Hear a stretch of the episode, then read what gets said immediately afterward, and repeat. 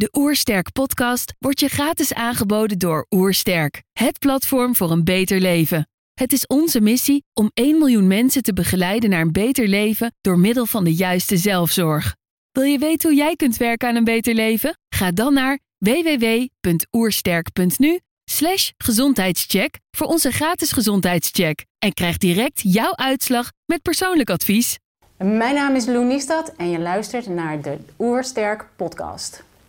Je hebt een druk bestaan en je wordt vaak geleefd. Je lijf en geest zoeken rust omdat je alles maar geeft. Goed nieuws, dit is jouw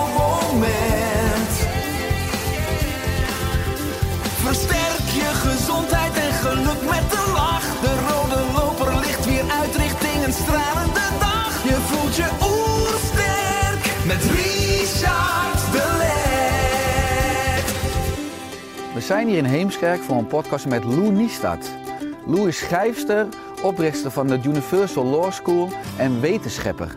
Ik ben benieuwd naar haar tips voor een beter leven. Trouwens, geniet je van onze podcast? Abonneer je dan en laat een reactie of een review achter. Zo help je ons om het gezondheidsvirus te verspreiden. Let's start. De Oersterk Podcast. Een ontdekkingstocht naar een beter leven. Lou, welkom.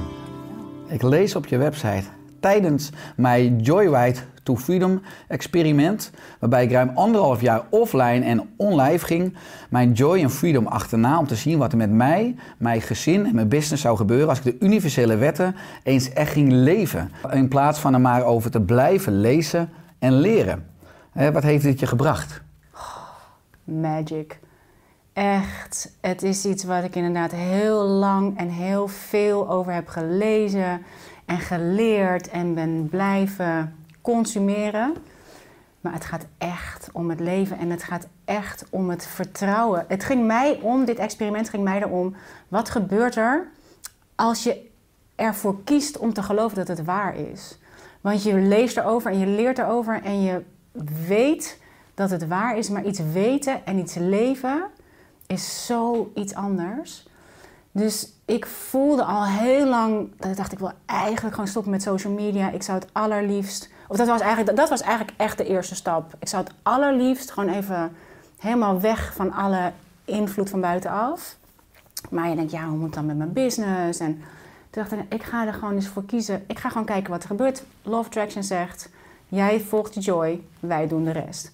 En ehm, ik dacht, ja, dat ga ik maar eens gewoon dan geloven. En daar ben ik mee begonnen. En het is echt waar. Het is echt waar. Het is zo cool wat er gebeurt als je het gaat geloven. Omdat je tot die tijd ben je steeds aan het sturen. Denk je, oké, ik wil dit. En zeker als je gaat leren manifesteren, dan ga je leren dat je dingen heel duidelijk moet stellen. En dat is waar ik heen wil en dit is wat ik wil bereiken. Maar daarmee zeg je eigenlijk, ik zet een speldenknop in dat universum. Dit is wat ik wil. En dan al die oneindige mogelijkheden die het universum voor je in de pocket heeft, die laat je lopen omdat het. Ja, ik heb gezegd, ik wil dit. Nou, het universum zou misschien kunnen denken, nou ja, prima, dan regel ik dat voor je. Maar dan heb je dus niet gezien wat hier nog mogelijk is, of wat daar nog mogelijk is, hoe cool dit had geweest. Dus het is magic. Tenminste, ik snap dat ze het magic noemen, want je denkt elke keer, hoe is het mogelijk? Ja, want er zijn heel veel mensen die dingen weten, hè, maar dan niet dingen doen. Nou, jij noemt dan echt het woord leven, hè, Ja. echt gaan leven. Wat misschien ook een combinatie is van geloven en doen, hè, van activiteit. Er ook echt voor gaan, ervoor durven Ja. gaan. Eh, je noemt ook dus de wet van aantrekking. Ja. Eh, wat zijn de basisprincipes van deze wet? De basisprincipe van deze wet is dat alles energie is. En dat de energie die jij uitzendt, letterlijk, de energie is die je terugkrijgt uit de wereld om je heen. Energie van mensen, energie van dingen, energie van, van eh, events, alles om je heen. Het is waar je mee resoneert. Net als dat je met een radio, als je hem op een bepaalde frequentie zet, dan is dat wat je hoort. Wil je iets anders horen, moet je op een andere frequentie gaan zitten. En de- wet van aantrekking geeft jou precies die frequentie die jij uitstraalt. Dus het is een soort boemerang die jij met je gevoel eruit slingert. En dat is your wish is my command. Dat is wat je terugkrijgt. En dat is ehm, jouw enige echte job is joy. Je enige echte job is een inside job. Dit is waarom je niet kan blijven lezen En ik weet niet hoe jij het doet met lezen, maar wat ik deed was vooral heel veel lezen en luisteren. Dat had ik hem als leesboek, als luisterboek, als. En elke keer dacht ik, oh ja, ja, ja, ja, maar ik ga dat dan strakjes wel de opdrachten doen. En dan had de auteur het over een auteur waar hij of zij door geïnspireerd was. En hup, weg was ik weer bij mijn dealer, bol.com of amazon.com. En hup, naar het volgende hitje, number one hit. eh, boek over zelfontwikkeling, law of attraction, alle dingen. En doubling up on the brain. Maar je moet het voelen, je moet het echt doen. Wat ik deed daarmee was eigenlijk heel veel onrust creëren. Heel veel nooit genoeg, nooit genoeg, nooit genoeg. Het is echt bingen zoals we op alles bingen. We bingen tegenwoordig op, op podcast, op eh, boeken, op tv, op eten. We bingen alles. Maar dat zorgt er ook voor dat we het gewoon niet... Dat het en niet beklijft, dat we het niet tot ons nemen, echt tot ons nemen. Want, en het is een, je moet bereid zijn, en dat is wat ik, een van de dingen die ik echt heb geleerd tijdens dat experiment. Het was bedoeld om het een jaar te doen. Ik dacht, wat gebeurt er als ik een jaar lang deze, de wet geloof? Ervoor kies dat het waar is. Zonder alle twijfels, dat mijn enige job is om die twijfels eh, te zien dat ik ze heb en ze weer eruit te gooien. Wat gebeurt er dan? En het, het coole is, als je echt gaat voor die hoge frequenties in plaats van voor de spullen of voor het succes of voor de, de materiële zaken, maar dat je job wordt om je zo goed mogelijk te voelen. Als je dat gaat doen, dan kom je op een soort. Nou, daar gaat er een soort rode loper voor je uit. En daar staan precies de juiste mensen op het juiste moment. Daar ligt precies het geld wat je nodig hebt om iets te kunnen doen. Daar ligt precies de volgende stap. Allemaal zonder dat ik weet wat de volgende stap is. Als ik deze stap durf te zetten. Ook al denk ik, oeh, als ik dit ga doen, dan. ehm, ja, de volgende stap nadat ik van social media afging destijds, was. Ik, en ik doe het met mijn pen. Ik kan een soort van contact maken door te schrijven. Het is letterlijk alsof ik mijn pen over wil geven aan mijn andere hand. En ik hengel het zo uit het universum op de pagina. En mijn vraag was heel simpel: wat is de volgende stap? De volgende stap is: haal alles van je website, pak je camper, rijd naar Parijs en ga het schrijversleven leven. Ga die wetten leven voordat je ze gaat doorgeven. Want ik was het allemaal weer aan het doorgeven. Maar dan word je een soort doorgeefluik. Ik leer hier iets. Ah, wat een fantastisch idee en ik geef het hier door. Maar zelf leef ik het niet. Dat is niet doorleefd. Het is niet doorleefd. Dank je, supermooi. Ja, ja maar als je joy, eh, hoor ik vaak terug, hè, dat Ja. vertaal ik dan als levensvreugde. Ja. Eh, nou, je bent expert eh, in hoe we de natuurwetten in ons eigen leven voor ons kunnen laten werken. Of misschien nog beter omdat ze altijd werken, hè, hoe we ze niet kunnen blokkeren. En je schrijft op je website, als je van joy je job maakt, Ja. dan zorgt het universum voor de rest. Ja. En zeker als mensen nu luisteren of kijken, hoe werkt dit precies?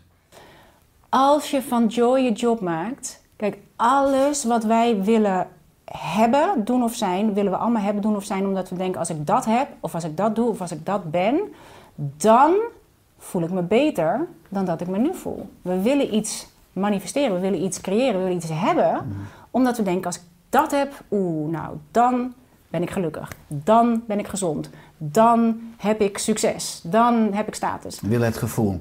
Maar je, wat je, ja, want je denkt dat je je dan beter voelt. Dit is waarom je het wil. Dus, maar als je anders omgaat, dus als jij ervoor kiest dat je je hoe dan ook goed voelt, dat wordt je aantrekkingskracht, dat wordt je punt van aantrekking. En daarmee trek je het als het ware naar je toe. En het allermooiste is, op het moment dat je dat doet vanuit, als je je goed voelt, trek je ook iets aan wat goed gaat voelen op het moment dat je het in de werkelijkheid gecreëerd hebt. Want als je je niet goed voelt als je ergens mee bezig bent, wat ik dus had toen ik wel druk bezig was in mijn business en het was succesvol en het was online succesvol, maar ik voelde het niet meer. Ik dacht eigenlijk wil ik gewoon het allerliefst het schrijversleven leven. Ik wil gewoon weer eens een boek schrijven. Ik wil gewoon met mijn schrijversvrienden in cafés zitten en filosoferen over een leven goed geleefd. Maar ik was ondertussen een entrepreneur en, en, online succes en alle dingen die daar ook houden, omdat je daar waarde aan hecht. Maar mijn gevoel zei, ik wil eigenlijk het schrijversleven leven. dit was. En toen vroeg ik, wat is de volgende stap? En gaat schrijversleven leven. Pak je camper, rij naar Parijs en gaat schrijversleven leven. Dus, dus ik dacht, ik, mijn man zat naast me te schrijven. Ik zeg, ik krijg een heel interessant antwoord van mijn pen. Ik had eerst even op mijn telefoon gekeken, is er een camping in Parijs? Mhm. Aan de Seine. Mhm. Is er plek? Aha. Ik zeg, ik krijg ehm, een heel interessant antwoord van mijn pen. Wat zou je ervan vinden als ik even gewoon een week naar Parijs ga, even de Hemingway ga doen? Gewoon even schrijven in cafés en alleen dat. Hij zegt, zou ik doen, lijkt me een goed idee. Dus ik heb dat gedaan en oh man, de joy, de joy, de joy. Van gewoon in mijn camper staan aan de scène, door de stad heen struinen. Gewoon op cafés, op terrasjes gaan zitten schrijven, gaan zitten tekenen. Gewoon voor de joy of it. Zonder dat het ergens toe hoefde te leiden, zonder dat het iets moest worden. Een cursus en uh, weet ik veel content om te, om te delen.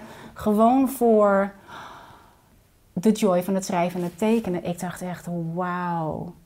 Als dit is wat ik het aller, aller, allerleukst vind om te doen... dan moet ik mijn hele idee over succes gaan bijstellen. Want dit is blijkbaar hoe ik wil leven. Maar dit zijn de dingen die ik niet doe want ik ben hier zo druk bezig met het creëren van het succes. Dacht ik, mm, maar dit voelt veel beter. Dus dat was het moment dat ik dacht, ik ga, als dit voor mij het allerfijnst voelt, wat gebeurt er met mijn business en mijn leven als ik inderdaad de stekker uit mijn business trek, social media even uh, laat voor wat het is en alleen ga volgen wat ik echt heel graag wil doen. En dan kom je al je angsten tegen. Want onderweg naar Parijs, reken maar dat mijn innerlijke criticus zei: Wat ga jij lekker doen met je Hemingway? Hemingway, die heeft so jij doet social suicide. Hij heeft echt suicide gepleegd. En bovendien, hij moest duiven schieten in het park, want hij had geen droog brood te eten mhm. met je schrijven.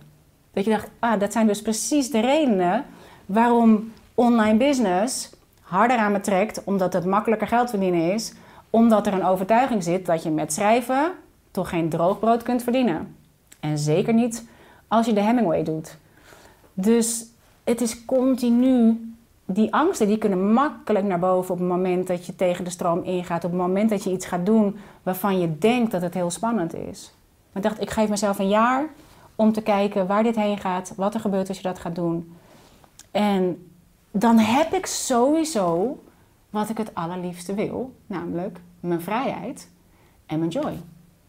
En dat was. Ik heb veel liever mijn vrijheid en het plezier hierin. Hoeveel geld heb ik daarvoor nodig? Hoeveel heb ik daar eigenlijk voor nodig? Wat, wat ben ik aan het nastreven? Wat is nou, wat is dan succes? Dit is succes. Langs de scène kunnen slenteren en mensen zien jeu de boule op klaarlichte dag. Moet je niet wat doen of zo.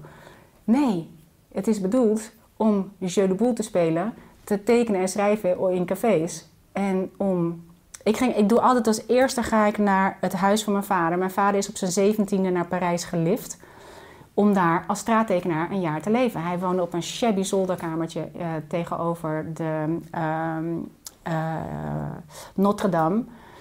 En ik ga altijd als eerste breng ik een saluut aan mijn vader. Dan ga ik in het parkje tegenover zijn shabby, zijn shabby zolderkamertje even met hem facetimen. Even terug in de tijd. Om, zit om de hoek bij, uh, bij Shakespeare Company.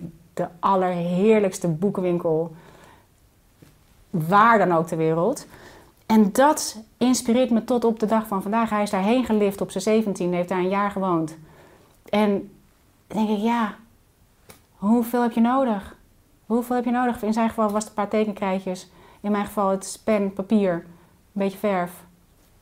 Mijn de vrijheid van het denken. Dat je een idee kan hebben, dat je het uit kan voeren. Dat je dingen kunt uitproberen, dat je erover kunt schrijven. Man, wat een joy.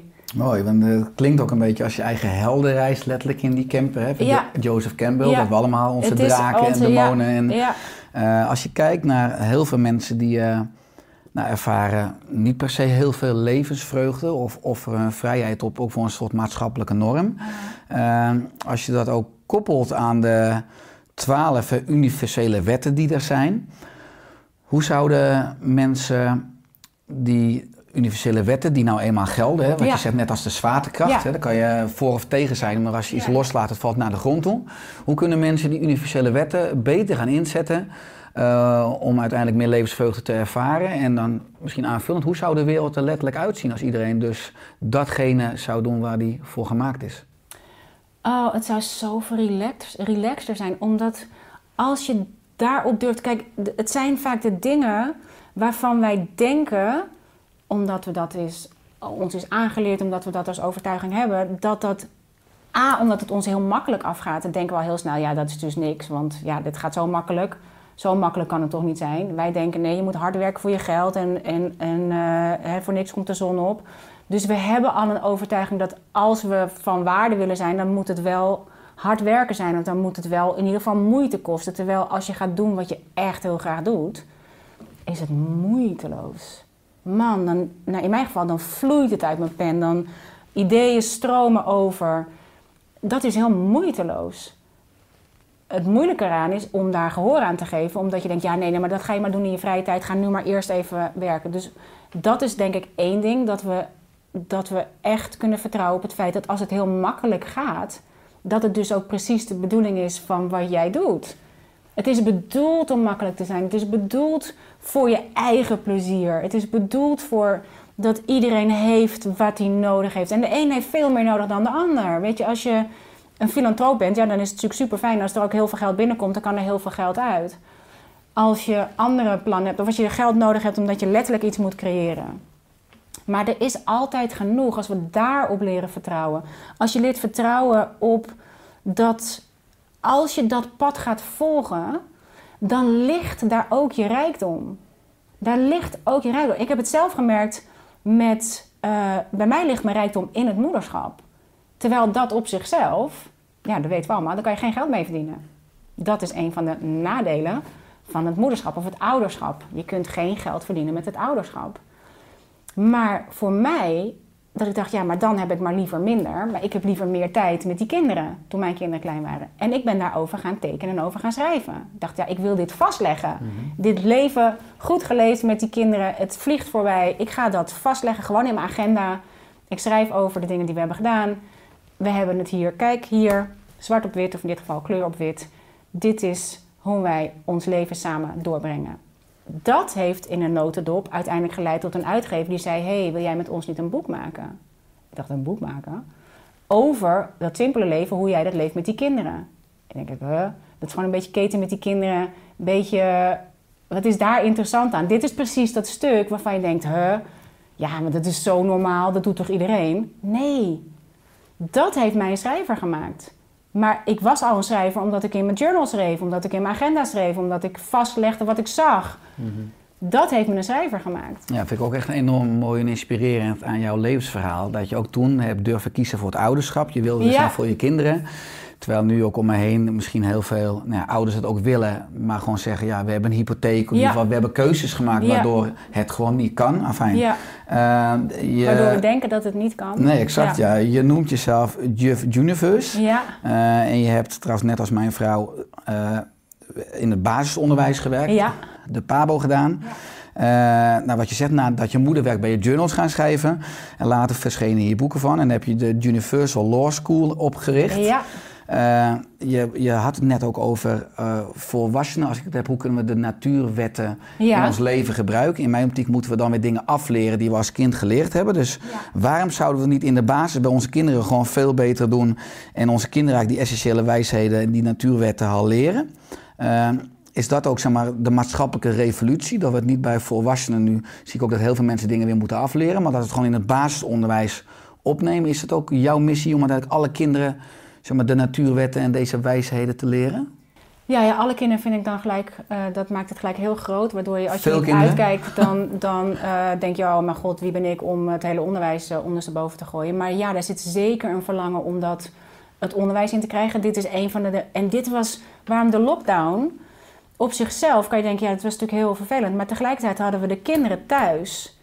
En we moesten ze zelf les gaan geven. Ineens was daar het moment dat leren en leven precies hetzelfde werd. En hoe cool is het als we op dat moment worden we en ineens de onderwijzers van onze kinderen, want we moesten dat zelf gaan doen. Maar tegelijkertijd kun je die universele wetten meenemen en ze dingen leren waarvan jij vindt dat het belangrijk is dat ze die kennen. En ook dat je ziet dat het leren samen met je kinderen is fantastisch. En ik denk dat wij, dat het zowel van scholen uit als vanuit ouders gezien, dat we het veel te veel gefragmenteerd hebben gemaakt, maar dat het eigenlijk heel erg bij elkaar hoort. En in principe hebben de ouders en de scholen één gemene deler, namelijk dat kind. Wij willen allebei, wij thuis, zij op school, dat dat kind floreert. En doordat wij het hele onderwijs uit handen hebben gegeven aan school, en, eh, maar ook eerlijk gezegd een deel van de opvoeding hebben uit handen hebben gegeven aan school, waardoor school heel vaak niet aan lesgeven toekomt, maar aan opvoeden moet eh, werken. Dat ik dacht, iedereen zou zoveel beter af zijn als je begrijpt hoe die universele wetten werkt voor de leerkrachten.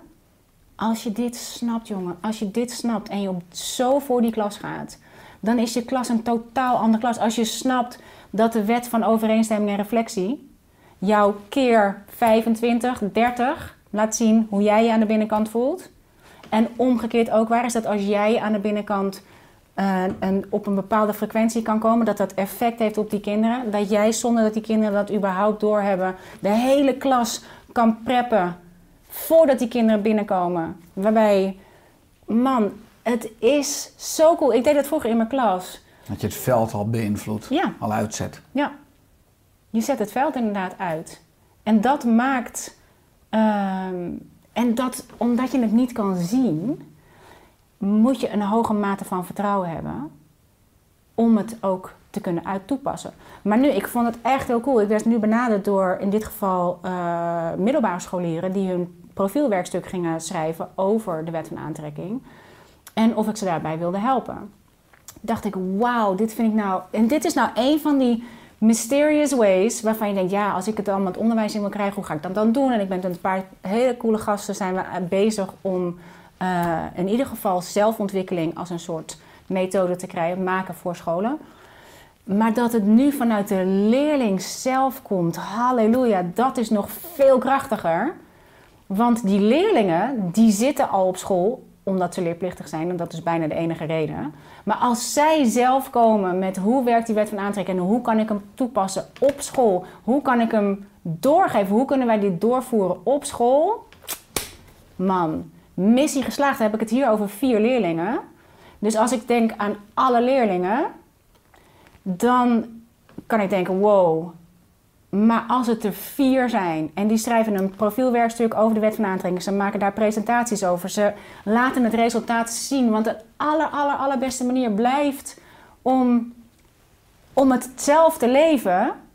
Je hoeft het niet per se door te geven, je geeft het automatisch door, omdat iedereen denkt: hoe kom jij ineens zo happy? Hoe kom jij ineens aan al dat geluk, Guus geluk? Hoe kom, waar kom jij ineens vandaan? Hoe kan het dat in dit geval dat jouw cijfers ineens zo omhoog gaan. Dat jij eh, de leukste vrienden, vriendin. Hoe, mensen willen automatisch weten wat het, wat het geheim is. Jij hoeft het alleen maar te zijn. Jij hoeft alleen maar daar helemaal je blije ei te zijn. En een ander denkt, I want what he's having. Dus het is, je kunt op zoveel manieren het onderwijs beïnvloeden. Je kunt het onderwijs beïnvloeden doordat je zelf je kinderen eh, de wetten leert. En met die kinderen die de wetten leeft. Je stuurt gewoon andere kinderen de klas in. En ze hebben echt effect op de groep. Het heeft echt effect. Het is letterlijk energie. Het is waar ik zelf het langst over gedaan heb, is dat ik het heel lang als een soort concept heb gezien. Ik snapte het op conceptueel niveau. Maar het is niet een concept. Het is een letterlijk... Brainwaves zijn letterlijke waves. Wat wij hier doen is uitwisseling van energie. Ja. Wat wij hier doen is uitwisseling van energie. Het is, het is letterlijk. En ik heb het altijd als een soort van figuurlijk gezien. Maar het heeft letterlijk effect op de energie van een ander. Dus je stuurt... En het, dus daarom kan ook één individuele leerkracht... verschil maken op een hele school. Ook al kan je, als die leerkracht in ieder geval blijft bij haar zijn of haar eigen joy in het lesgeven, dat dat de prioriteit is. En dat je als, je, als je de laatste vijf minuten met je klas gaat zingen, dan stuur je 30 kinderen zingend de klas uit, zingend het schoolplein op, zingend mee naar huis. Weet je wat voor verschil dat maakt? Voor de ouders die die kinderen mee naar huis nemen of de opvoeders of de, degene die voor die kinderen zorgen. Je stuurt 30 andere kinderen naar 30 andere gezinnen die met hun buurjongens, buurmeisjes gaan spelen. Man, het hoeft niet alle kinderen. Het gaat om jouw kind. Het gaat om één. Het één is genoeg. Eén buiten jezelf is genoeg. Eens. Het is, ik denk dat dit misschien wel een van de grote, eh, de grootste hiccups is. Dat wij denken dat het groot verschil moet maken. Dat, als het, dat het alleen maar zin heeft als het groot is. Ik ben een millimeter movement begonnen. Mm. Omdat ik dacht, of de 5 millimeter movement is het oorspronkelijk, maar het is, heet nu de millimeter movement. Omdat ik, zat een, ik had een filmpje gezien. Ik, ik klets rustig verder. Hè? Dus als je zegt, sorry, ik heb hier hele andere vragen. Ik hang je lippen, door. Ja. Ik had een filmpje gezien op YouTube waarin iemand uit letterlijk liet zien, en ik hou ervan om dingen letterlijk te zien, want dan snap ik het zelf beter. Hij had dominostenen gemaakt en het allereerste dominosteentje is 5 mm en elke keer komt daarna een domino van anderhalf keer groter. En hij had in dit voorbeeld 13 dominostenen en hij begint met een dominosteentje van 5 mm en de laatste is al ruim een meter eh, groot. Hij zet dat mini mini dominosteentje van 5 mm in beweging. En die tikt de volgende om en de volgende om en de volgende om en de volgende om. En dan die laatste video gaat om. ook. Je ja. kent de video. Ja. Als je dit doorberekent, dan ben je binnen 28 keer bij de Empire State Building. Sorry. Ik dacht, wauw. Als je met 5 mm... Jij hoeft alleen die... Ik dacht, hoe groot is 5 mm? 5 mm is het kopje van een lucifer. That's it. You can't start a fire without a spark. Dat als een kopje van een lucifer 5 mm is, dan is het enige wat ik hoef te doen, is te zorgen dat dat ding in, in de hands gaat. En daarmee gaat de volgende om en de volgende om en de volgende om en de volgende om. Dus, en dit is precies hoe de wet van aantrekking ook werkt. Ofwel, je zet iets in werking richting de Empire State Building van je dromen. Of je steekt iets in de hands richting de Empire State Building of Doom. In beide gevallen kan het met een heel kleins beginnen. Maar als het momentum krijgt, dan gaat het lopen. Jij moet ervoor zorgen dat het de goede kant op valt. En als, je- dit is waarom het een inside job is. Je moet wel ook weten, en eigenlijk is het enige wat je hoeft te weten, hoe voel ik me? Voel ik me goed? Dan weet ik ook dat mijn domino-steentje gaat richting de Empire State Building of Doom. En als het eenmaal momentum heeft, kijk, is het in het begin, daarom is het fijn als je het heel snel door hebt, kan ik er een domino-steentje tussenuit halen en ik stop het. Als hij al bij de Empire State Building is, dan val ik gewoon te pletten. Dan kan je hem gewoon beter laten gaan en denk je, ja, morgen is beter. Als ik weet dat ik me goed voel, is het enige wat ik hoef te weten. Want dan weet ik dat ik het richting de Empire State Building of my dreams heb laten vallen. Wat dat is, dat weet ik ook nog niet. Ik weet alleen dat, het, dat ik het wil, want ik voel me goed. En ik kan me alleen maar beter voelen naarmate ik daarheen ga. Maar ik hoef alleen die 5 mm te doen. Ik hoef alleen maar te zorgen dat mijn licht aan is, dat mijn vlam brandt. En ik hoef alleen maar te zorgen dat ik, als ik mensen tegenkom op mijn dag, dat ik ze beter laat voelen dan dat, dat ik hun licht, gewoon doordat mijn eigen licht aan is, aan kan steken. En als dat niet kan, omdat ik daar niet ben op dat moment, moet ik er in ieder geval voor zorgen dat ik een ander niet slechter laat voelen. Ja, ik zie dus ook als een uitnodiging ook aan mij en aan de luisteraar, kijker, om vooral je eigen kracht te gaan staan. Omdat Ja. je een enorme impact kan hebben op je eigen vierkante meter. Als je maar het hebt over zoveel, 5 mm. ja, zoveel meer. Ja. En ook als je het hebt over mensen, jij komt uit het onderwijs, je komt uit de zorg. Dat zijn ook Ja. vaak mensen die werken vanuit een roeping. Dus Ja, je hebt een enorme Mhm. impact hè, iedere dag eh, in je activiteiten. Ehm, als je het hebt over, je noemt een inside job. Ik moest er enorm lachen. Dat ik eh, las bij veel ondernemers hebben een zevenjarige CEO. Omdat Ja, ja. Het, het, het onderbewustzijn Mhm. wordt geprogrammeerd tot zeven jaar. En daarna begint de vorming van ons bewustzijn. Hoe kunnen we uiteindelijk eh, meer leiding nemen eh, over dit zevenjarige kind... in plaats van geleid worden, wat veel mensen zullen ervaren? Ja, nou, ik, toen ik me ging verdiepen in die wetten en dat, toen ik me ging verdiepen in het onderbewustzijn en het bewustzijn en hoe het kwantumveld werkt. En ik dus realiseerde dat wij 5% van onze dag zijn we bewust van wat we denken. 95% van onze dag worden we door ons bewust, onderbewustzijn aangestuurd. En dit is op een goede dag. En daarom dacht ik, wij zijn zo bezig met al dat lezen en dat leren en dat, dat maar de beste versie van onszelf willen worden, zijn we ons bewustzijn aan het vergroten. Maar eigenlijk ben je het verkeerde aan het vergroten, omdat je bent maar 5% van je dag daar. 95% van je dag wordt je aangestuurd door je onderbewustzijn. Toen ik leerde dat dat onderbewustzijn van, zeg maar, en het is heel zwart-wit gesteld, maar eventjes, eh, dat was voor mijn eigen beeldvorming heel zinvol. Als je weet dat je van 0 tot 7 jaar ongeveer, dat daar al je overtuigingen binnenkomen. En het is logisch, je wordt geboren, je bent in principe blanco. En dan wij ouders ga- gaan opvoeden. Wij zijn opgevoed. Eh, De buren hebben er wat over te zeggen. Ouders, grootouders, meesters, juffen, leerkrachten. De hele goede gemeente, hoe goed gemeente ook, eh, die heeft er wat over te vinden. En over het algemeen wordt ons aangeleerd wat we niet mogen. Over het algemeen worden we overal, pas op, kijk uit, dat mag niet, dat mag niet. Dat ligt allemaal in dat onderbewustzijn. Dat is ons, aanst- dat is ons besturingssysteem.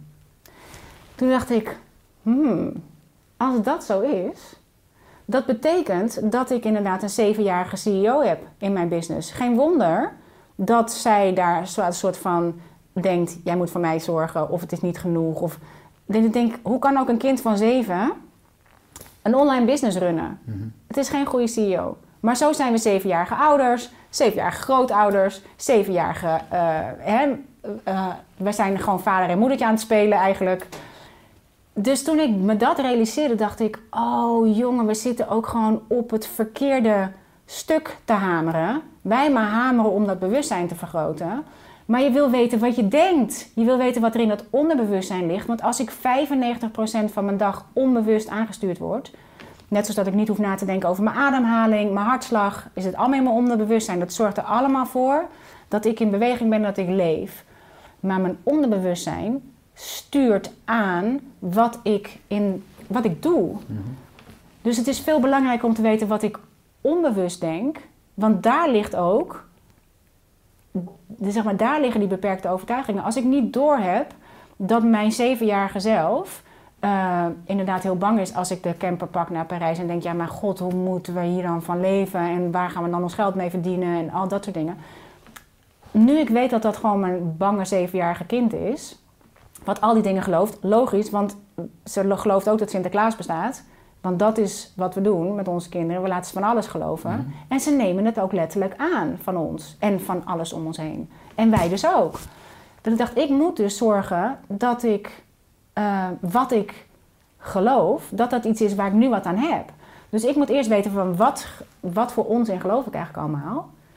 En net zoals dat ik nu weet dat Sinterklaas niet bestaat, ik neem aan dat, we, eh, dat onze luisteraars iets ouder zijn dan zeven, ehm, dat we opnieuw moeten kijken naar wat we geloven, tegen het licht houden en denken van wie is deze overtuiging eigenlijk? Oh, niet van mij. Heb ik hier wat aan? Niet van mij, niet van mij, niet van mij.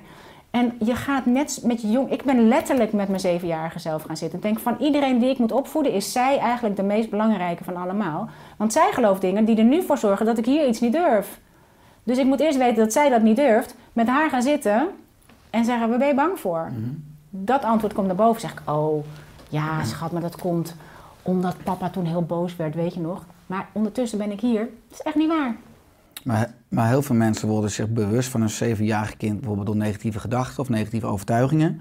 Eh, hoe kan je dat dan transformeren? Want ik, ik hoorde je ook zeggen, we moeten onze aandacht er voor een deel niet op richten. Je zegt, als je Mhm. bestellingen bij het universum Ja. plaatst, dan kom je ze zelf tegen. Ja, je komt er vanzelf tegen. Ze komen vanzelf omhoog. Op het moment dat jij iets graag wilt, manifesteren iets wat je wil hebben, doen of zijn. Alleen je kunt het niet hebben, doen of zijn. Je moet het eerst zijn.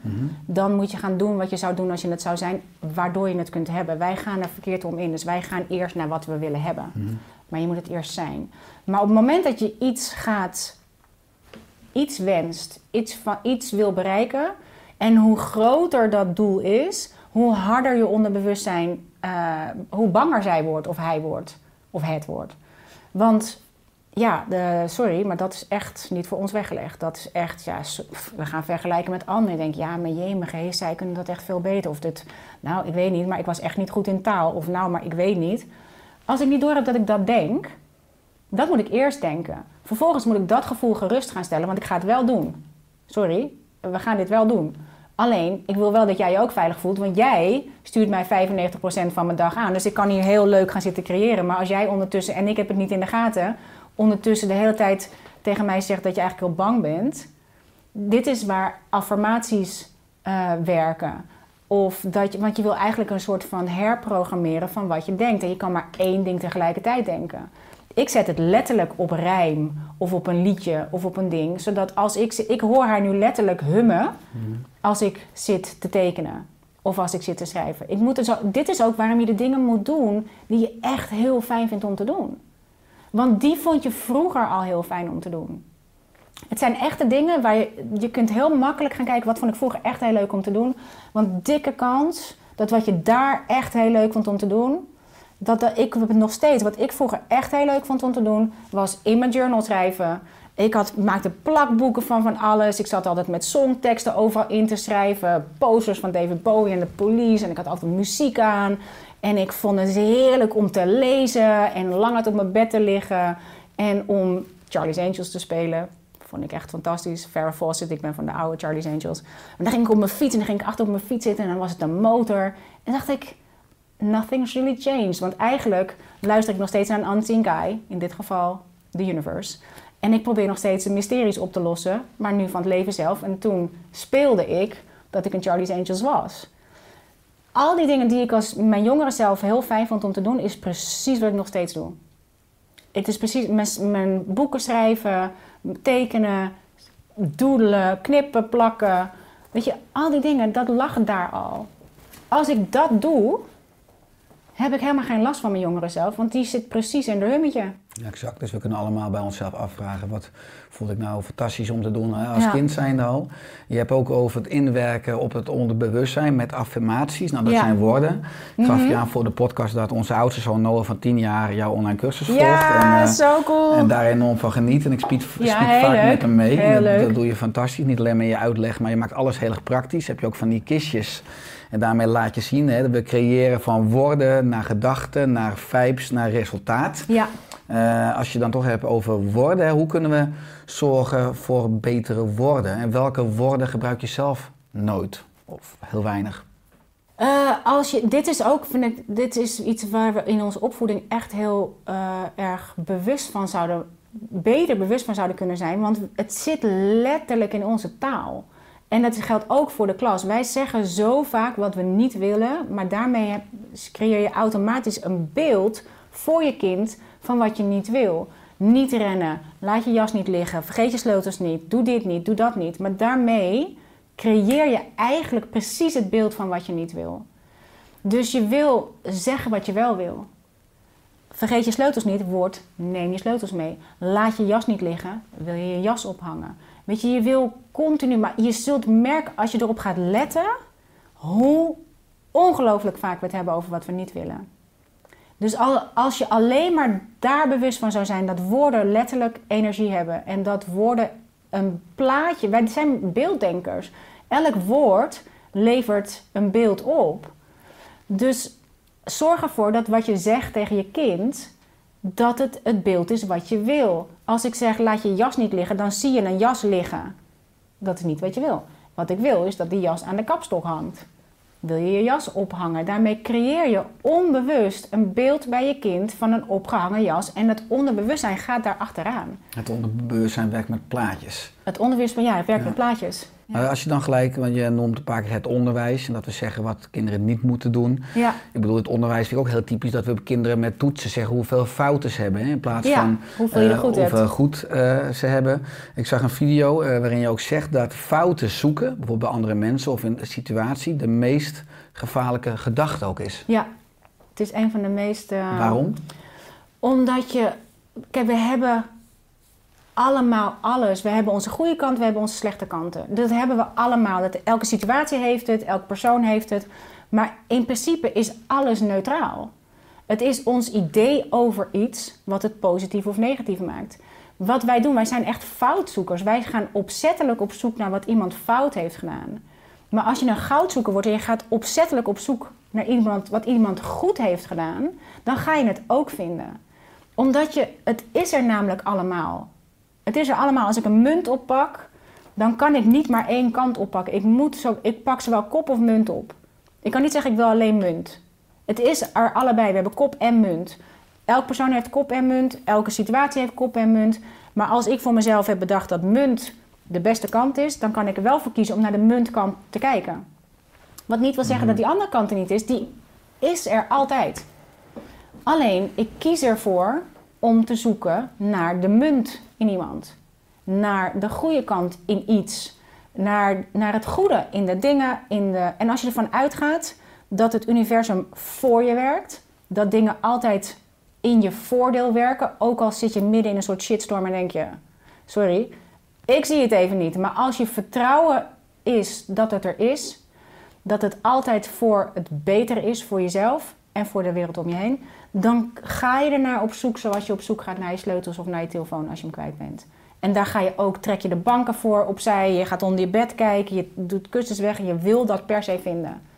En zo ga je ook op zoek naar het goede in mensen, in situaties, in wat is er wel goed, wat is er wel goed, wat is er wel goed. Als je daarmee word je automatisch een goudzoeker. Maar in essentie vind je dan altijd liefde.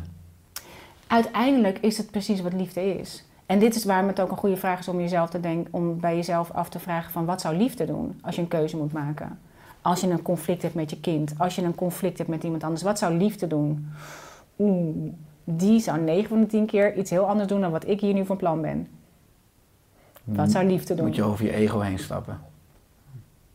Dan moet je over je en over je need to be right. Mhm. Course in Miracles zegt, would you rather be right or happy? Mhm. Wil je liever gelijk of wil je liever geluk? Ja, fantastisch boek. En wij willen per se. Ja. Per se gelijk hebben. ja, want eh, uiteindelijk zijn er natuurlijk heel veel boeken over leven in overvloed. Eh, veel mensen willen leven in overvloed, maar ervaren een andere werkelijkheid. Ja. Ehm, en hoe kunnen we een bestelling doen bij het universum, hè, in Ja. jouw woorden, en het ook krijgen? Omdat ik een fantastisch filmpje ook weer van je zag in de cursus van Noah, van dat we er geen stokje voor moeten steken. Dan heb je letterlijk zo'n zo'n zo'n frisdrankfles met, met stokjes erin. Eh, maar hoe kunnen we uiteindelijk meer ja, dus leven in overvloed? Dat onze werkelijkheid overeen gaat komen met wat we diep van binnen verlangen. Ja, allereerst om ons niet te focu- focussen op de werkelijkheid. Omdat als we naar de werkelijkheid kijken, dan zien we over het algemeen wat er niet is. Omdat je nog iets nieuws wil creëren. Je bent nog niet waar je heen wil. De wereld van de zintuigen. Ja, je gaat. Kijk, als wij iets, zodra wij iets nieuws willen bestellen bij het universum, is dat automatisch iets wat we nog niet hebben, want anders zou je het niet bestellen. Dus als je dan naar de werkelijkheid gaat kijken, dan denk je dat ja, ik zie het niet. Logisch, want het is hier ook nog niet. Het is nog iets wat je nog wil krijgen. Dus op het moment dat je een bestelling plaatst bij het universum, is, werkt precies hetzelfde als wanneer je een bestelling plaatst bij bol.com. Want je hebt je bestelling geplaatst. En bij bol.com twijfel je helemaal niet. eh, dit is no- non-spon. eh, twijfel je helemaal niet of dit geleverd gaat worden. Althans, als je op de woonboot woont wel. Maar normaal gesproken... Waar jij woont, ja. Waar ik Ja. woon gaat dat nog wel eens, eh, werkt het nog wel eens anders. Ja. Maar ehm, in principe vertrouw je er volledig op dat het komt. Dus je gaat zelf helemaal in ontspanning. Je gaat ondertussen andere dingen doen. Je gaat je huis alvast klaarmaken voor dat wat komt. Je gaat je boek alvast vast leegmaken als er een boek... Je gaat alvast... Je bent in de verwachting van dat het gaat komen. Je bent in volledige positieve afwachting, want je twijfelt geen seconde of het komt of niet. Zo wil je ook zijn bij elke bestelling die je plaatst bij het universum. Wat wij doen, is we gaan elke keer bellen naar bol.com. Zeggen, hey hoi, heb jij wel mijn bestelling ontvangen? Ja, ja mevrouw, we hebben het ontvangen. Oh nee, oké, nee, ik wil even checken. En de volgende dag denk je, ja, ik geloof er niks van. Dan ga ik nog een keer bellen. Ja, hoi, ik heb gisteren ook al je collega gesproken, maar eh, ik wil toch echt even zeker... Komt het echt? Ja mevrouw, het is echt onderweg. Je bent de hele tijd die bestelling aan het plaatsen. Maar ondertussen heb je niet gezien dat de bezorger al lang dat heeft bezorgd. Want jij was heel bezorgd dat het niet zou komen. Wet van aantrekking geeft je wat je uitzendt. Dus hoe meer zorgen jij maakt, hoe meer zorgen je aantrekt. Dus hoe onbezorgder jij bent, hoe sneller het bezorgd kan worden. En wat we hebben gedaan in de, eh, in de Law Special voor de jongeren, is hebben we laten zien dat het onze overtuigingen zijn die er letterlijk een stokje voor steken. Want het is allemaal al bezorgd, maar ons idee over dat het niet kan, of dat het. eh, en vooral ons gevoel als wij bijvoorbeeld zien dat een ander wel heeft wat wij hebben, willen hebben. Oeh, dat vind ik toch eigenlijk al een beetje heel irritant. Want mm, zij hebben het al. En wij denken er is niet genoeg voor iedereen. Dus ja, het heeft geen zin meer voor mij om dit te doen of te hebben. of te, te willen. Wie ben ik nou? Want kijk even, we gaan vergelijken. Dit is waarom het gras bij de buren altijd groener is. Want het wordt altijd bij de buren bezorgd als wij niet thuis zijn. Dus daar gaan wij ons op blind staren. En ondertussen kan de, de wet van aantrekking, die kan maar één ding. En dat is jouw vibe matchen. Het enige wat die kan, het is een neutrale wet. Het is niet voor mij, het is niet tegen mij. Het is gewoon een neutrale wet. En ik moet me aan die wet houden. En als het mij wil kunnen leveren wat ik heb besteld, dan moet ik op die frequentie zitten. En wat je het liefst wil doen, is als je dan toch naar de buitenwereld gaat kijken. Eerst ga je kijken in het leven wat je al hebt, waar je dat al hebt, waar je naar op zoek bent. En dat is er ook. Als je meer geld wilt manifesteren, waar de, verreweg de meeste mensen de wet van aantrekking op in willen zetten, is dat je met de huid en haar gaat houden van het geld wat je al hebt. In plaats van dat je je zorgen gaat zitten maken over dat het niet genoeg is. We zitten op schaarste. Onze hele fabrieksinstelling zit op schaarste. Je moet echt zelf die knop steeds omzetten. Wat heb je al? En geld is overvloed. Het zit in alles. Het zit in alle dingen. Het zit in de warme douche. Het zit in het feit dat wij onze wc kunnen doortrekken met drinkwater. Het zit in rijkdom is iets totaal anders. Bovendien hebben wij gedacht dat onze business eh, zeg maar de bron van inkomsten is. Of ons werk de bron van inkomsten is. Of de kinderbijslag de bron van inkomsten is. Of al die dingen. Maar dit is alleen maar een stroom van inkomsten. Bron van inkomsten is het universum. En dit is wat er zo cool is. Als je echt naar die joy gaat, dan komt het uit onverwachte hoeken. Dingen die je zelf totaal niet op de radar had omdat het is de bron van inkomsten, is het universum. Denken dat je business de bron van inkomsten is, is hetzelfde als denken dat de kraan in de keuken de enige plek is waar je water kunt halen. En dat als die het niet doet, dat er dan dus niks is. Er zijn nog zoveel kranen om open te draaien. Ja, je moet je- er alleen heen. Ja, als je het hebt over de wet van aantrekking. Je noemde nu een voorbeeld echt met fysieke spullen of over geld. Ja. Eh, nu is het ook zo natuurlijk, ik ben natuurlijk opgeleid in de geneeskunde. Ik hou me bezig met gezond leven. Er zijn ook heel veel, veel mensen die, zeker als ze zich ook verdiepen in de wet van aantrekking, die klachten hebben of zelfs ziekte hebben. Die dan zeggen, ja, ben, ben ik dan schuldig? Hè? Is Ja, het mijn oh, eigen goeie. schuld? Hè? Want Ja, dat, ja, dat is wat je natuurlijk vaak hoort. Eh, ja, je moet in ieder geval natuurlijk je verantwoordelijkheid altijd pakken waar je staat. Maar krijg jij dat soort vragen ook als het gaat dus over klachten, over signalen of zelf over ziekte? Ja, Van heb ik dat zelf aangetrokken dan? ja wat, Wat, natuurlijk altijd zo is. zo is. Ja. Maar wat niet wil zeggen dat het dus jouw schuld is. Dit is natuurlijk wat een soort van ook een spirituele arrogantie wordt op een gegeven moment. Van ja, eh, of dat je denkt, ja, eh, sorry, maar dat heb je echt zelf aangetrokken. Mhm. Het maakt niet uit hoe je eraan komt. Het enige is dat je het nu hebt. En dat het aan jou is om ervoor te zorgen dat je daar weer uitkomt. Of dat je daarmee omgaat. Of dat je daar, wat ga je nu doen? Dit is wat je nu hebt. We hebben het helemaal niet over schuld. We hebben het helemaal niet over van. Het maakt niet uit van wie je het hebt. Het geldt voor alle overtuigingen. Maar jij hebt het nu. En je bent ook de enige die je punt van aantrekking kan veranderen. En jij bent de punt van aantrekking. Jij bent degene, je bent echt de enige die het kan shiften. En ik denk dat sowieso voor de gevoelens van schuld en schaamte enorm groot zijn in ons. Ik denk dat dat een van de grootste eh, blokkades is. Dat we ons zo snel schuldig voelen en zo snel, snel eh, schamen voor dingen en zo snel eh, bang zijn dat we het niet goed doen. En in een geval van ziekte, alles heeft een verborgen voordeel. Alles heeft een verborgen voordeel. Ook ziekte, ook de dood. Alle dingen hebben een verborgen Ziektewinst er ook, ja. Ja, ziektewinst. Het, is, het heeft verborgen voordelen. Daar moet je eerst naar kijken.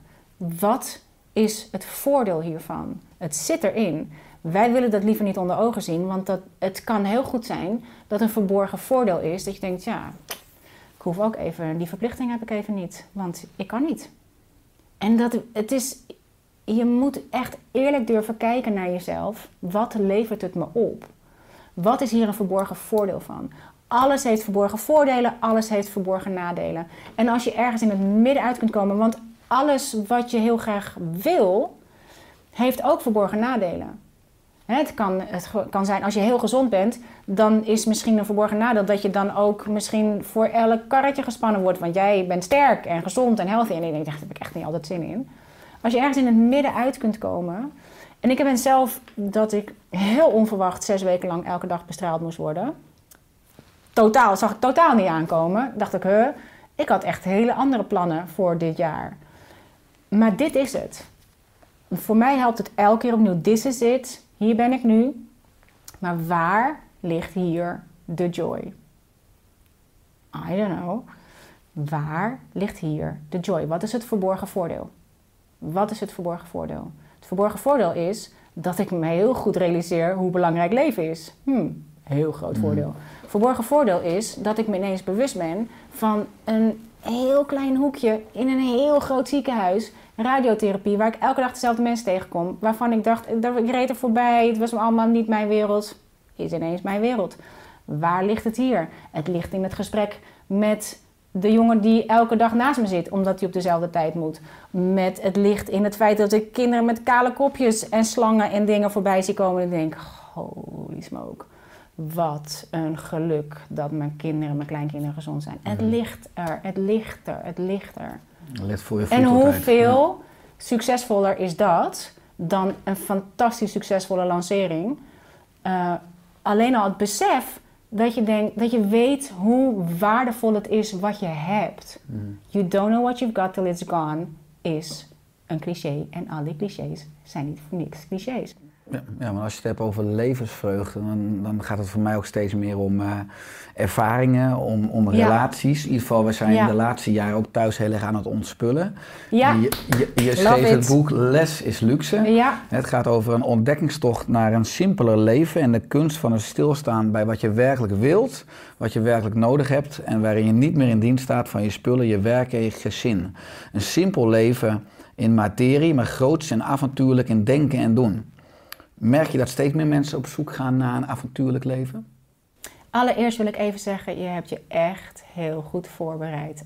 I applaud you, want je gaat in boeken, in video's, in cursussen, echt Met liefde. Super Dat is- cool. Dat, is, En het- dat is mijn voorpret al. Ja, ja, maar dat geeft mij zo'n eh, gezien gevoel. Echt, thank you, Fijn thank you. Ja, echt heel tof. En ehm, ja, ik denk wel dat, dat er steeds meer mensen zijn die er behoefte aan hebben. Omdat we steeds meer... Nou, ik denk dat daar dit jaar natuurlijk ook echt... Of in ieder geval tegen de tijd dat wij dit horen, is dat vorig jaar. Maar dat het zo'n verborgen voordeel is van de hele coronacrisis. Dat we ons veel bewuster zijn van wat er echt belangrijk is. Dat we ineens in die huizen zitten die eigenlijk veel te vol zijn met al die dingen die we maar gekocht en besteld hebben. En dat je ineens denkt, wat moet ik met die meuk? En er is zoveel. En echt, als je onafhankelijk bent, en dit is wat echte onafhankelijkheid. Het is financiële onafhankelijkheid. Het is, eh, het is echte vrijheid. Is als je onafhankelijk bent van materie, van je spullen. Hoe cool, maar hoe cool is deze stoel? Maar serieus, ik vind hem super cool. Ik vind het leer prachtig. Ik vind dat hij is lekker. Oh, lekker. Weet je, er zijn veel mensen al opgezeten. Daar kan ik heel blij van worden. Maar ik ben niet afhankelijk van deze stoel. Als we hier op een houten krukje hadden gezeten, omdat deze stoel om welke reden dan ook niet available was, dan was het gesprek net zo waardevol geweest. Het zit niet in de stoel, het zit niet in de spullen. Het je hebt een fantastisch heel pand hier. Als we met z'n tweeën hadden gezeten in mijn campertje en daar ditzelfde gesprek hadden gevoeld, was het gesprek net zo waardevol geweest. Dus het zit veel meer in de interactie. En je bent je daar nu veel bewuster van. En hoe meer je gaat ontspullen, hoe vrijer je gaat voelen. Want je hebt niet, als alles energie is, wat zo is, dan weet je ook dat al die dingen waarvan je dacht dat je ze per se moest hebben, en dat je dacht, als ik dat heb, man, oh nee, dan heb ik echt een rijk leven. Dat zijn nu dingen die liggen gewoon te verstoffen, die liggen gewoon te. ehm, we zien het niet eens meer. We zijn alweer aan het jagen op iets nieuws. En ook dat wordt dan weer heel gewoon. En dan gaan we weer jagen op iets nieuws. Maar als je echt gaat verbinden met de spullen die je hebt, dan er gebeurt echt iets. Als, ik, als mijn tafel gewoon maar een tafel is, dan is het is ook maar gewoon een tafel. Maar als mijn tafel de tafel is die het is, van een designer wat ik echt fantastisch vind. En er staan Charles en Ray Eames stoelen op die we echt super goed hebben kunnen kopen. Dat zijn gewoon stoelen en dat is gewoon een tafel. Maar als ik me ermee verbind, dan neem ik het hele gedachtegoed van Charles en Ray Eames mee. Dacht ik, oh man, zo samen als partners werken en mooie dingen creëren. En ook, zij deden ook, hè, alles moest wel joyful zijn. En ehm, take your pleasure seriously was een van hun slogans. Denk ik, hell yeah. Als die tafel, mm, de community tafel is waar wij met het gezin en met de kleinkinderen aan eten. Als die tafel mijn plek is waar ik mijn boeken schrijf. Als die tafel de plek is waar, waar we met de kinderen Lego opbouwen. Dan is die tafel niet een tafel, maar dat is leven. Maar als ik hier bezig ben met allerlei andere dingen die ik wil creëren. En ik heb helemaal niet eens tijd om aan die tafel te zitten. Dat ik zeg tegen de kinderen, ja, jongens, je kunnen echt niet komen eten, want ik heb het zo druk. Dan is die tafel, die tafel staat symbool voor iets anders.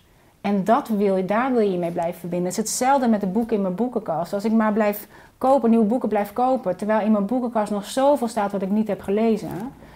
Ik hoef maar naar mijn boekenkast te kijken en ik kan gewoon huilen. Van al die verlangens die er in mijn boekenkast staan. Van roadtrips naar design dingen, naar kunstenaars, filosofen. Alles staat in mijn boekenkast. Alles staat er gewoon voor het oprapen. Het ligt gewoon voor het oprapen. Het enige wat ik hoef te doen is in mijn eigen fijne stoel te gaan zitten. En dat met dat boek. En denk oh wauw, wat zijn er mooie dingen gemaakt. Oh, wauw. Je hoeft alleen maar te denken, hoe cool. Het ligt er allemaal. Ja, mooi. Als je het hebt over eh, levensvreugde, dan gaat het natuurlijk ook vooral dat je het kan voelen vandaag. Nou, ik zeg altijd, het geheim van een goed leven is een goede dag hebben. Ja. Je hebt op je website een gratis eh mini-cursus, ochtendrituelen. ja. Eh, wat is jouw ochtendritueel? Mijn ochtendritueel is wakker worden zonder wekker. En dat is om vier uur. En dan ga ik schrijven. En dan, ik vind dat een van de lekkerste momenten van de dag. Want dan ga ik lekker naar de woonkamer. Dan ga ik dus aan die tafel zitten.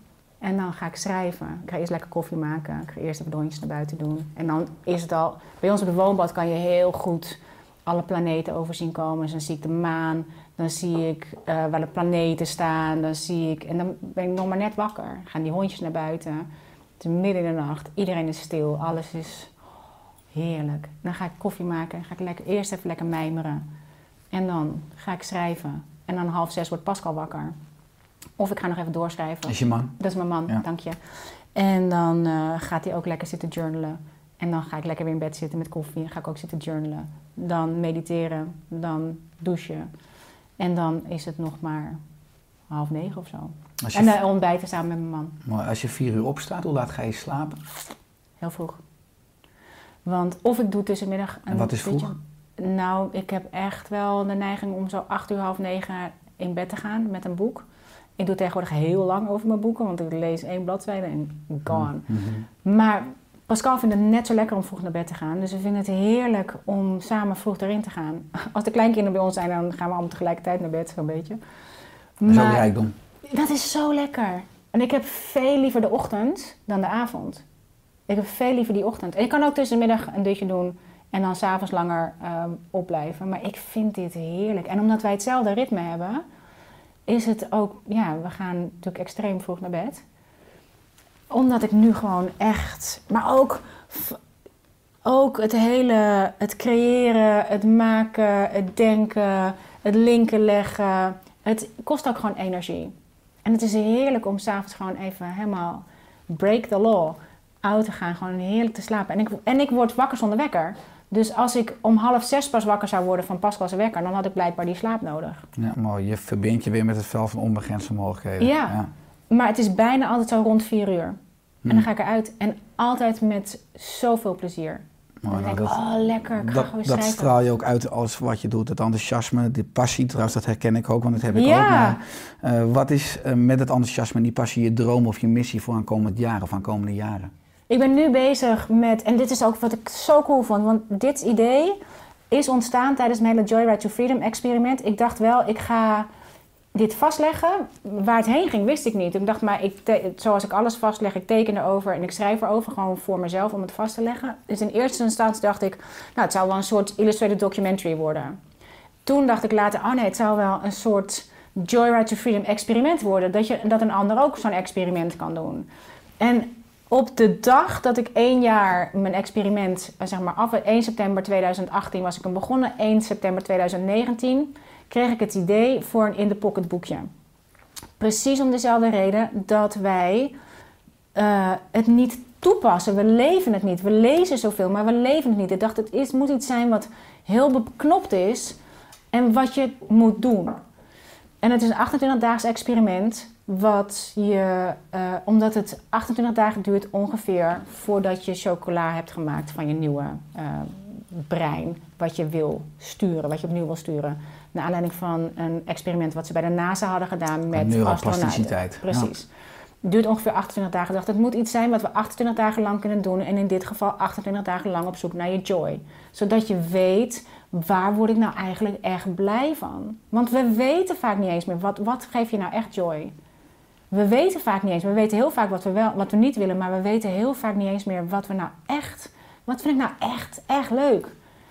Dus een, dat experiment kwam 1 september 2019 op mijn pad. Ik dacht, ik, dit is het. Is een in-the-pocket boekje. Gewoon de basiskennis erin. In de pocket. Je moet het letterlijk doen. Je moet 38 dagen lang zelf op zoek gaan naar jouw joy. Want jij bent de enige die weet wat jouw joy geeft. En je krijgt elke dag een, een opdracht waarin je op zoek gaat naar dat. Zoek en ga je zult vinden. Dat is, uiteindelijk kwam ik uit op onderwijs, door hele andere dingen dacht ik, oh ja, mijn bigger mission is eigenlijk wel dat ik uh, het onderwijs wil veranderen. Of kinderen, bla bla bla. Dus ik terug online. Ik dacht, oké, dan ga ik de Universal Law School beginnen. Dus toch weer een soort van afgeleid van het een of ander. En dat in de pocketboekje was blijven liggen. Totdat ik een uh, interview deed met Rachel van Sas van de Huismuts. En zij had een fantastisch boek geschreven, Mom, You Got This. En daar had ze mij voor geïnterviewd. En uh, Merel van Kalsburg was, zij was van de Green Happiness, was net uh, True Color Publisher begonnen. Ja, een nieuwe uitgeverij. Nieuwe uitgeverij, super coole klik met Merel. En uiteindelijk hebben zij zo'n fantastische vorm, ook voor het boek van Rachel en voor een planner die Sunny uh, van Sunny Zoek Geluk aan het maken is. Waarbij je direct vanuit de pagina naar visualisaties kunt, of audio kunt, of filmpjes kunt. Ik dacht echt, wauw, hoe tof is dit? En ineens kwam het idee van het in de pocketboekje weer naar boven. Dacht ik, oh, maar zo kan ik het doen. Want nou kan ik die audio's erachter hangen. Kan, omdat ik inderdaad hou van dingen beeldend maken. Een filmpje erachter hangen om iets uit te leggen. Oh, dus ik met Merel samengezeten. Het zaadje ontkiemde. En ontvlamde echt. Dus nu ben ik dat alsnog aan het creëren. En dit is waarom dingen echt in its own right time gaan. En waarom je echt altijd op het juiste moment op de juiste plek bent. Want als ik het toen had doorgezet, omdat je gaat pushen, omdat je denkt: kom op, je moet wel eens een keer wat afmaken, want dat is wat we ook doen. Je zet ook nooit, je maakt er nooit wat af. En wat heb je nou? Maar het was ook echt bedoeld zodat ik op het juiste moment nog de juiste mensen kon ontmoeten met de juiste ehm, nieuwe technologieën die er toen nog niet waren.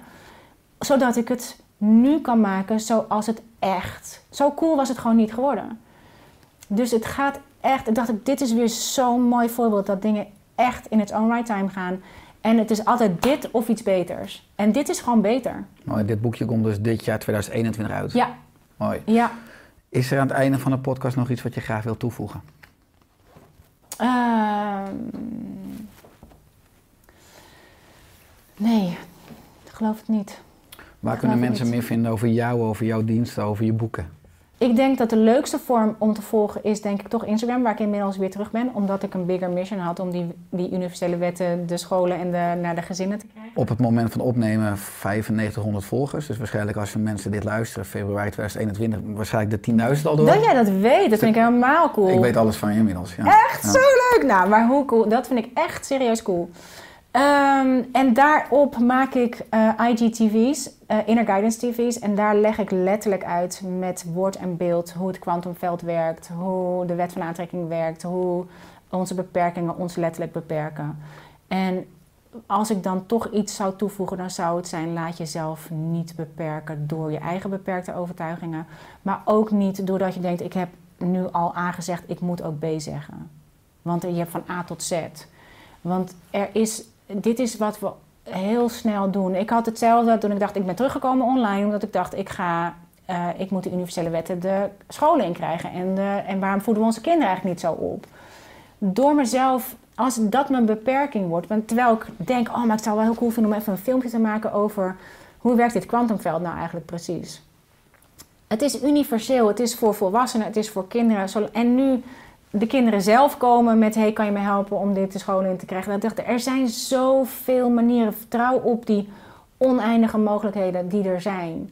Zodat jij gewoon echt kies elke keer voor dat wat er het meest aan je trekt. Ook al lijkt het nog zo nergens mee te maken te hebben met wat je al aan het doen bent. Ook al lijkt het nog zo onsuccesvol. Hoe kan ik hier in hemelsnaam mijn geld mee verdienen? Word een go-giver in plaats van een go-getter. En geef gewoon wat je te geven hebt. Deel wat je te delen hebt.